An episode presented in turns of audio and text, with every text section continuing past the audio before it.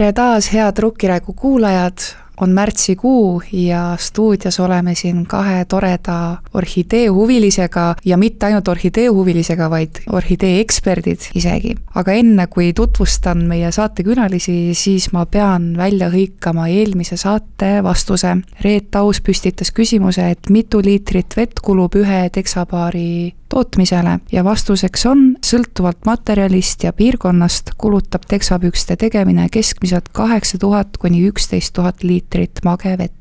aga tänase saate juurde. täna me siis räägime Tartu Ülikooli botaanikaaia toimuvast orhideenäitusest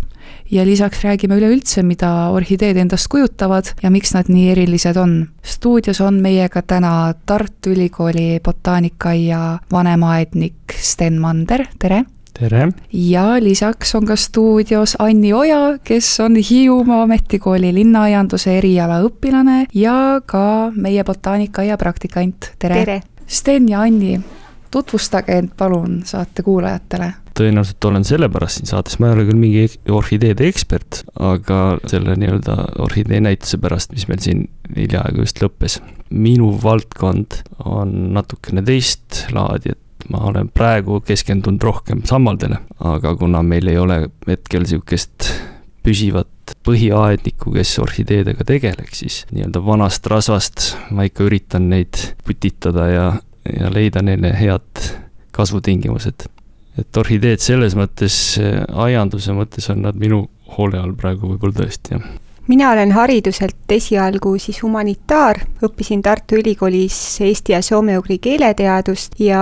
põhitöö on mul tõlkimine, aga nüüd läksin siis Hiiumaale aiandust õppima ja jõudsin väga kiiresti orhideede juurde, avastasin, kui põnev on orhideede maailm ja nüüd olengi kõige rohkem just orhideedele spetsialiseerunud, et käinud õppimas siin ja seal nende kasvatamist ja õpingud jätkuvad, järgmisel nädalal lendan Madeirale ühte orhideeaeda, et seal nende käe all õppida. Ja õnneks sattusin ka Tartu Ülikooli botaanikaaeda praktikale, mis on väga tore, sest siin on palju igasuguseid põnevaid liike, mida Eestis muidu ei kohtaks, et siin on mulle vabad käed antud, et ma olen saanud neid uurida ja, ja nende kasvatamist harjutada. sa oled suur reisisell ja sa oled orhideede tõttu reisinud mööda maid ja ilmi ringi, et sa olid kuuldavasti Costa Ricas, võib-olla räägid meile oma kogemusest seal ja millised on Costa Rica orhideed? Jah, no reisimiseks ma olen kuidagi ettekäändeid suutnud alati leida, aga kuna alati mind on rohkem tõmmanud just need troopilisemad maad, siis see väga hästi sobib orhidee huviga kokku, sest suurem osa maailma orhideedest kasvabki praegu troopikas. ja Ladina-Ameerikas ma käin niikuinii tihti, kuna mul on ka Mehhikoga väga tihedad sidemed ja Mehhikos ma olen korduvalt elanud ja, ja igal aastal vähemalt korra sinna jõuan ja Mehhikos endas on ka palju kohalikke orhideesid, aga Costa Rica, Kesk-Ameerikas, neil on väga palju pilvemetsa mis orhideedele väga meeldib, selline stabiilne niiskus ja, ja paras temperatuur, mitte liiga kuum, liiga külm ja Costa Rica siseselt kohalikke looduslikke liike, et kui meil siin Eestis räägitakse praegu kolmekümne kuuest liigist pluss sellised võimalikud teisendid, siis Costa Ricas on neid hetkel tuhat kuussada ja leitakse igal aastal juurde, et teadlased ja lähevad jälle metsa, tulevad paari nädala pärast tagasi, kastid taimi täis ja siis selgub, et jälle leiti hulga uusi liike. et see on selline, neil kasvavad orhideed orhideed igal pool, et kui seal ringi käid, et siis aedades isegi viljapuud on paksult täis igasuguseid isehakanud orhideesid, sõnajalgu, bromeelialisi, et seal on see nende jaoks selline täitsa tavaline taim, et igal inimesel on need aias kas siis ise pandud kaunimad liigid või ka isetekkelised. elektriliinide peal, metsas seal on orhideed igal pool, kus nad vähegi endale sellise kasvukoha leiavad, et näiteks betoonposti küljes võivad kasvada orhideed, mis on iseennast sinna paika sättinud. ja nende ülikooli botaanikaaed on siis rajanud täitsa orhideede tippkeskuse, neil on botaanikaaed juba päris noh, tükk aega olnud, aga siis sinna on nüüd kokku koondatud väga suur orhidee kollektsioon, et hetkel nad äh, hindavad, et noh, võib-olla kolmkümmend tuhat taime, noh, liike on ikkagi võib-olla niimoodi kümne tuhande ringis ja siis eriti palju on neil miniatuure, selliseid tibatillukesi orhideesid et neist kõige väiksemad on sellised, et vaatad, et sambla peal nagu mingid paar sellist tillukest varrekest, siis tuleb välja, et see on täies õies orhidee, et sellised orhideed, mille õisi saad ainult mikroskoobi all vaadata. ja kui mikroskoobi all vaatad, siis on väga ilusad sellised kaunid orhidee õied, lihtsalt miniatuursed. et kõigepealt ma vahel mõtlesin, et kuidas teadlased nad üldse üles leidsid, et sa lähed kuskile sinna pilvemetsa, kus sul kõik on niikuinii paksult taimi täis, et siis peab hea õnn olema, et just orhidee teadlane sattus selle puu juurde, kus siis seal sambla peal kõigi muude taimede vahepeal oli see mikroskoopiline orhidee ja siis ta oskas selle sealt kaasa võtta ja et siis nad suutsid veel botaanikaaias selle niimoodi kasvama panna, et see ära ei surnud kohe, mis, mis kahjuks juhtub paljude uurimiseks toodud taimedega, et kuna neid pole veel kirjeldatudki, siis keegi ei tea, kuidas neid kasvatada ja ega kui teadlased mitu nädalat seal džunglit mööda ringi rassivad, ega nemad enam ei mäleta, et mis kõrguselt ja mis puuküljest ja kuidas see taim üldse sai sealt maha võetud, et siis orhideeaednikud hakkavad seal nuputama, vaatavad täiesti tundmatutele taimedele peale ja hakkavad mõtlema, et kuhu see nüüd panna, kuidas seda kasta, kas üldse kasta, et seal on selline väga põnev on see orhidee maailm, et enne Costa Ricat ma isegi ei kujutanud ette, kui, kui selline rikkalik ja, ja mitmekesine see olla võib kuna nende jaoks on need nii tavalised taimed, siis on seal väga tavaline, et inimestel on kodudes aias tuhandetest orhideedest koosnevad kollektsioonid ja, ja minu Costa Rica juhendaja, tema hakkas ka juba sellise poisikesena oma isa kollektsioonaias toimetama ja kuna ta on sellisest, ütleme siis Costa Ricas, kui tahad ülikooli minna, siis sa pead selleks kõigepealt sündima jõukasse perre, kes suudaks su õpingud kinni maksta, aga tavaliselt aednikud pigem on ikkagi sündinud sellistesse mittejõukatesse peredesse, et siis ta ei ole saanud ülikoolis käia, aga ta on isa käe all alustades suut-, suutnud juba üle kolmekümne aasta orhideesid kasvatada ja tal on tekkinud selline kogemus ja kõhutunne, et kui need jälle teadlased ilmuvad oma taimedega sealt kuskilt džunglist välja, siis tema on ainukene inimene, kes suudab taimele peale vaadata ja taimest midagi teadmata juba pakkuda talle välja optimaalsed kasvutingimused, et see taimede suremus on nüüd oluliselt vähenenud. Costa Ricas nagu paljudes teistes Ladina-Ameerika riikides tegelikult on orhideed looduskaitse all, neid ei tohi loodusest võtta, aga siis teadlastele on antud eriluba. ja seal ongi alati selline dilemma, et kas sa jätad selle maailma esimese leitud taime sinna algsesse kasvukohta ja siis tulevad taimekütid ja korjavad selle ära ja müüvad selle kuskile USA erakollektsioonidesse, või sa võtad selle taime sealt kohe kaasa, tood botaanikaaeda ja siis on lootust, et selle saab kasvama ja saab teda paljundada ja teadlasele alles, et see on alati selline dilemma. ja kohapeal on neil taimede uurimiseks noh, ikka selline väga korralik tippkeskus, et neil on masinad DNA analüüsi tegemiseks, laboratooriumid mikroskoopidega, kasvulaborid, kus nad katsetavad orhideede seemnest kasvatamist, et sinna üle maailma tulevad tippteadlased kokku, et sa saad ühtpidi aias harjutada nende kasvatamist ja, ja, ja üldse neid taimi tundma õppida ja siis sa näed ka, mismoodi teadus töötab, et kuidas näiteks üldse tuvastatakse, et kas meil on siin praegu kümme liiki või on meil hoopis üks liik, sest orhideed, nad varieeruvad väga palju. ütleme, võtad ühelt orhideelt seemet, külvad need maha, saad need kasvama,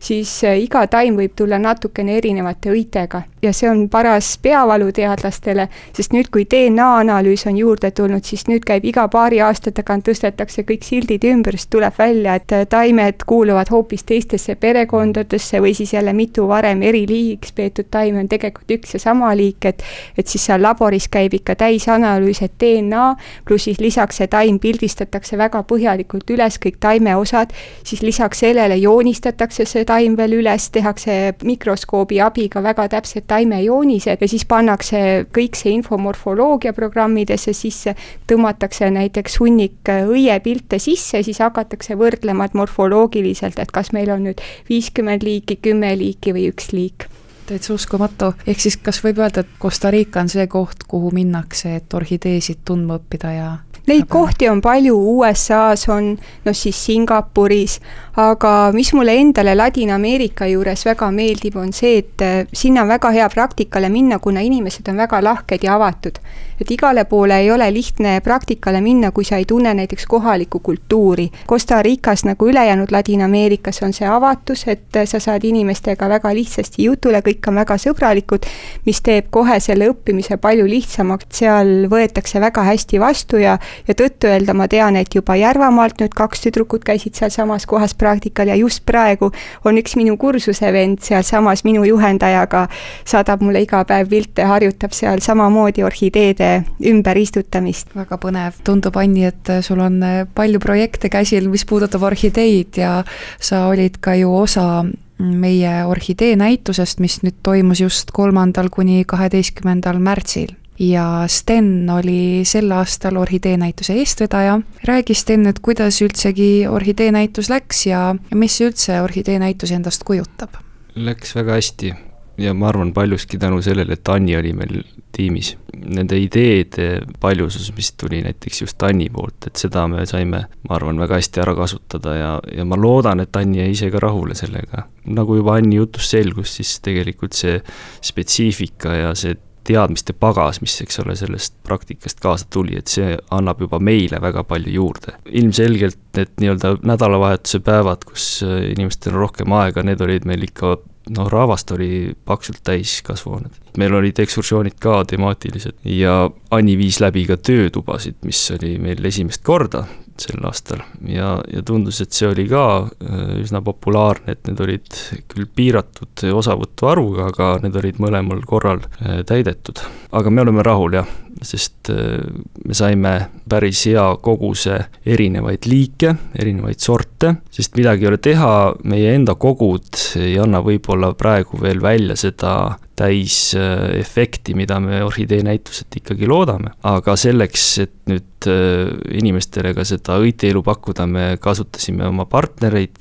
nende abi eesotsas äh, Kardestiga, võib-olla Lõuna-Eesti üks äh, edukamaid aianduskeskusi. ja muidugi Rikets Lilled Tallinnast, kelle aednikud või kelle töötajad käisid isiklikult Euroopa aiandites neid orhideid välja valimas. nii et meil sai niisugune ilus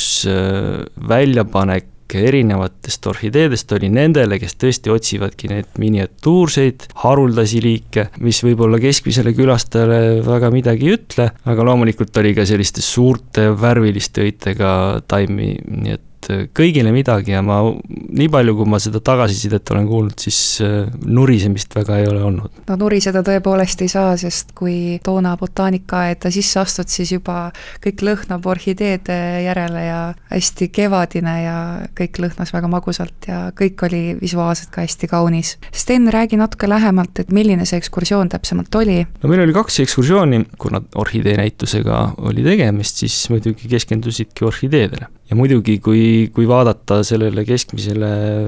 kuukingale otsa, siis ta on, on kena, aga me ei tea tihtilugu seda taustalugu, eks, et kui palju on aretatud neid näiteks või et millised on need esivanemad, kes tolmeldavad neid looduses, mida nad tahavad, eks ole, miks nad kasvavad puude otsas, miks nad kasvavad kivide otsas, et see on see, mida nendest ekskursioonidelt kuuleb. Ja noh, sel aastal meil oli siis tõesti võib-olla selliseid taimi, mille me panime siis spetsiaalselt sellistesse klaaskuulidesse, mis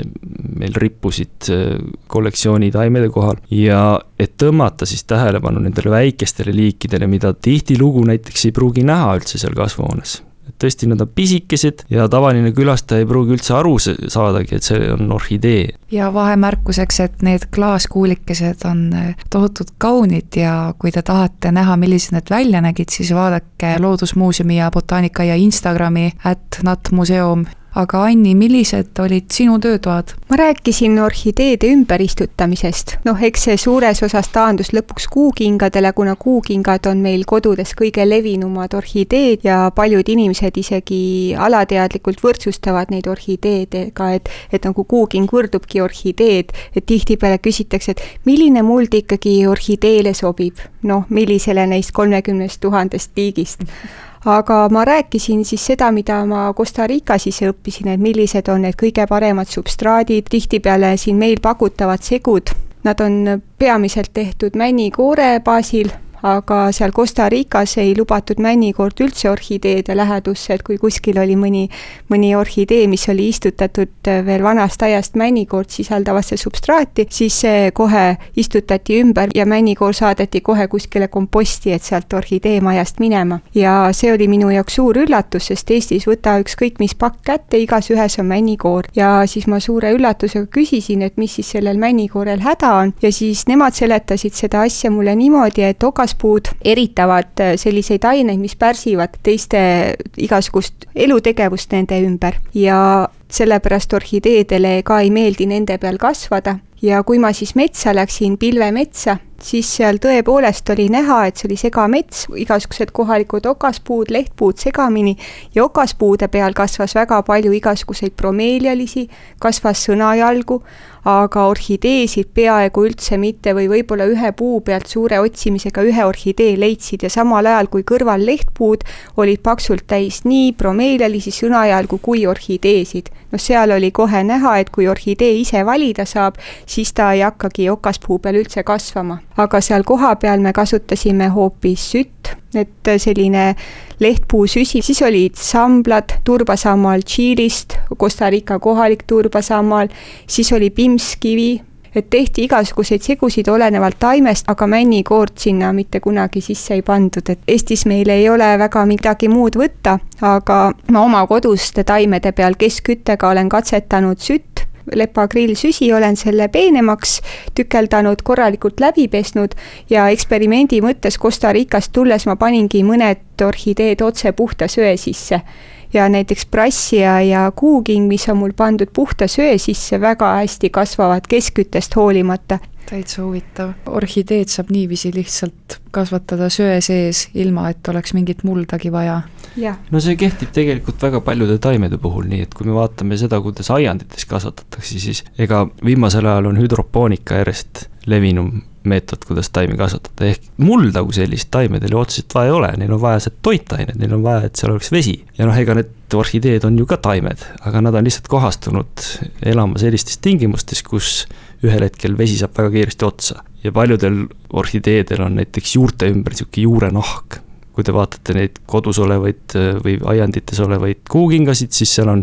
ilmselgelt näha niisugused jämedad hallid juured. see hall värvus õhuniiskusega muutub ühel hetkel äh, rohekamaks ehk et selle juurenaha sees on fotosünteesivad rakud ja see juurenahk aitab seda õhuniiskust imada sealt õhust. paljudel orhideedel on ka veesäilitusorganid ehk siis ebasibulad, pseudopulbid ja pikad sellised kuivad, kuumad perioodid elavad nad siis üle justkui nagu kaktused, et kasutavad seda endal ebasibulatesse kogutud vett kogu selle kuiva perioodi jooksul. õhulõhed on praktiliselt suletud, noh, mõni liik viskab ka lehed maha, aga on näiteks katleiad, kellel on hästi nahkjad, tugevad lehed ja nad äh, suudavadki vastu pidada mõningal juhul isegi kuu aega ilma vihmata kuukingaga on tõesti võib-olla lihtsam, aga kui nüüd minnagi nende natuke ebatavalisemate perekondade peale, siis no tihtilugu inimene näeb näiteks dendroobiumit poes, ilusad õied peal, ostab ära, noh, tõenäoliselt ta läheb järgmine aasta uuesti õitsema palju kehvemini, kui ta õitses äh, alguses ja lõpuks jääb taimest üsna nirakas eksemplar alles. Nendel ongi vaja just seda puhkeperioodi ja neid taimi, neid liike on väga palju, kes tahavad siis puhata. ja kodudes on võib-olla väga raske seda, neid tingimusi luua. ja loomulikult meil botaanikaajas samamoodi, me peame väga täpselt valima, kus siis midagi kasvatada ja see on muidugi ka meile suur niisugune õppeprotsess, tegija õpib kogu aeg muidugi, mis siis täpsemalt on ikkagi orhideede võlu, et miks inimesed esiteks tahavad orhideesid osta ja miks orhideed on olulised äh, looduses? no see on juba niisugune üsna filosoofiline küsimus, et äh, miks hinnatakse ilu või, aga ma arvan, et äh, orhideede puhul on see natuke lihtsam, kuna nende eesmärk on meelitada tolmeldajaid ja võib-olla sealt nii-öelda see esteetiline väljund on inimeste jaoks ka oluline. ehk et loomulikult, ega need värvid ja need on need, mis pakuvad meile mingit meelerahu, aga eesmärk, taime eesmärk on ikkagi tõmmata ligi see konkreetne tolmeldaja, sest orhideed on nüüd väga spetsialiseerunud tolmeldajate suhtes. mõnel liigil ongi ainult üks konkreetne putukas, mõnel juhul lind, mõnel juhul nahkhiir aga põhiliselt putukad muidugi. tuleneb ka sellest, et nende õied on arenenud sedasi, et nad,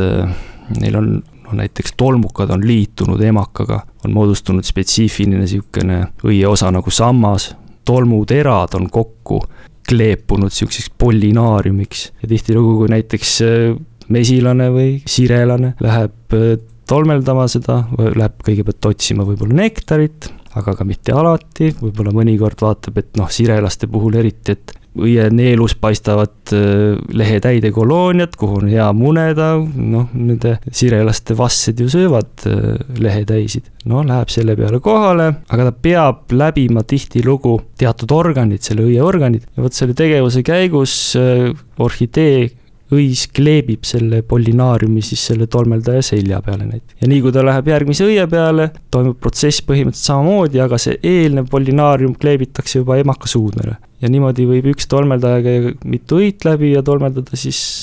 juba paljusid taimi. aga seal, see oleks üsna väheedukas meetod, kui see, sellele järgneks tuhandeid seemneid ühes kupras ehk et kui moodustuks üks-kaks seemet, siis see oleks, ma arvan, evolutsiooniliselt ebapädev asi, aga, aga selleks, et nüüd sealt sellest väga spetsiifilisest tolmeldustsüklist tuleks võimalikult palju taimi, siis see taim toodab ka palju seemneid. ja need seemned on tillukesed, justkui nagu tolm ja seda paljuski sellepärast, et eh, lennata tuulega võimalikult kaugele. Ma tahaks nende tolmeldajate kohta veel täiendada, et, et Kesk-Ameerikas elavad väga ägedad putukad orhideemesilased, euglossiini mul on õnnestunud paar korda neid näha ja nad näevad välja nagu selline lendav kalliskivi, täpselt sellised, nagu oleks mõni juveliir nad kuskil valmis meisterdanud, sellised rohelised, sinised, kuldsed, metallse läikega, noh, tõelised pisikesed lendavad kalliskivid. Neid nimetatakse orhideemesilasteks, sest neil on orhideedega selline oma eriline suhe, et kui emasputukad käivad orhidee ja ka muudel õitel ka siis õietolmu kogumas, siis isamesilased, neil on esialgadel sellised karvakesed lõhnamolekulide kogumiseks. Ja need isamesilased siis lendavad õielt õiele, hästi lõhnavad õied peavad olema, siis nad koguvad neid lõhnamolekule oma siis esijalgade peale, karvakeste külge. Ja siis nad lendavad metsa alla mõnda paaritumiskohta ja siis seal nad vabastavad selle lõhnabuketi, mille nad on kokku kogunud. kõigepealt noh, läks üldse hulk aega, et teadlased üldse aru said, mis asja nad teevad, et päriselt üks putukas käib lõhnu kogumas õite peal ja siis tükk aega on nuputatud, miks nad seda teevad, aga kuna see käib paaritumisega kaasa, siis arvatakse, et sellega nad tõestavad, kui kõvad tegijad nad on, kui head geenid neil on, et kes suudab uhkema lõhnabuketi kokku korjata, et see on järelikult parem potentsiaalne isa siis lastele. hästi lõhnastatud. aga paraku aeg kiirustab meid tagant ja nüüd oleme jõudnud sinna ossa, kus teie saate esitada küsimuse saate kuulajale. no ma küsin siis näiteks, milline on kõige vanem leitud orhidee fossiil? nii et nuputage, siis järgmise saate alguses kuulete õiget vastust. aga Sten ja Anja, suur aitäh! aitäh kutsumast! rukki rääkimiseni!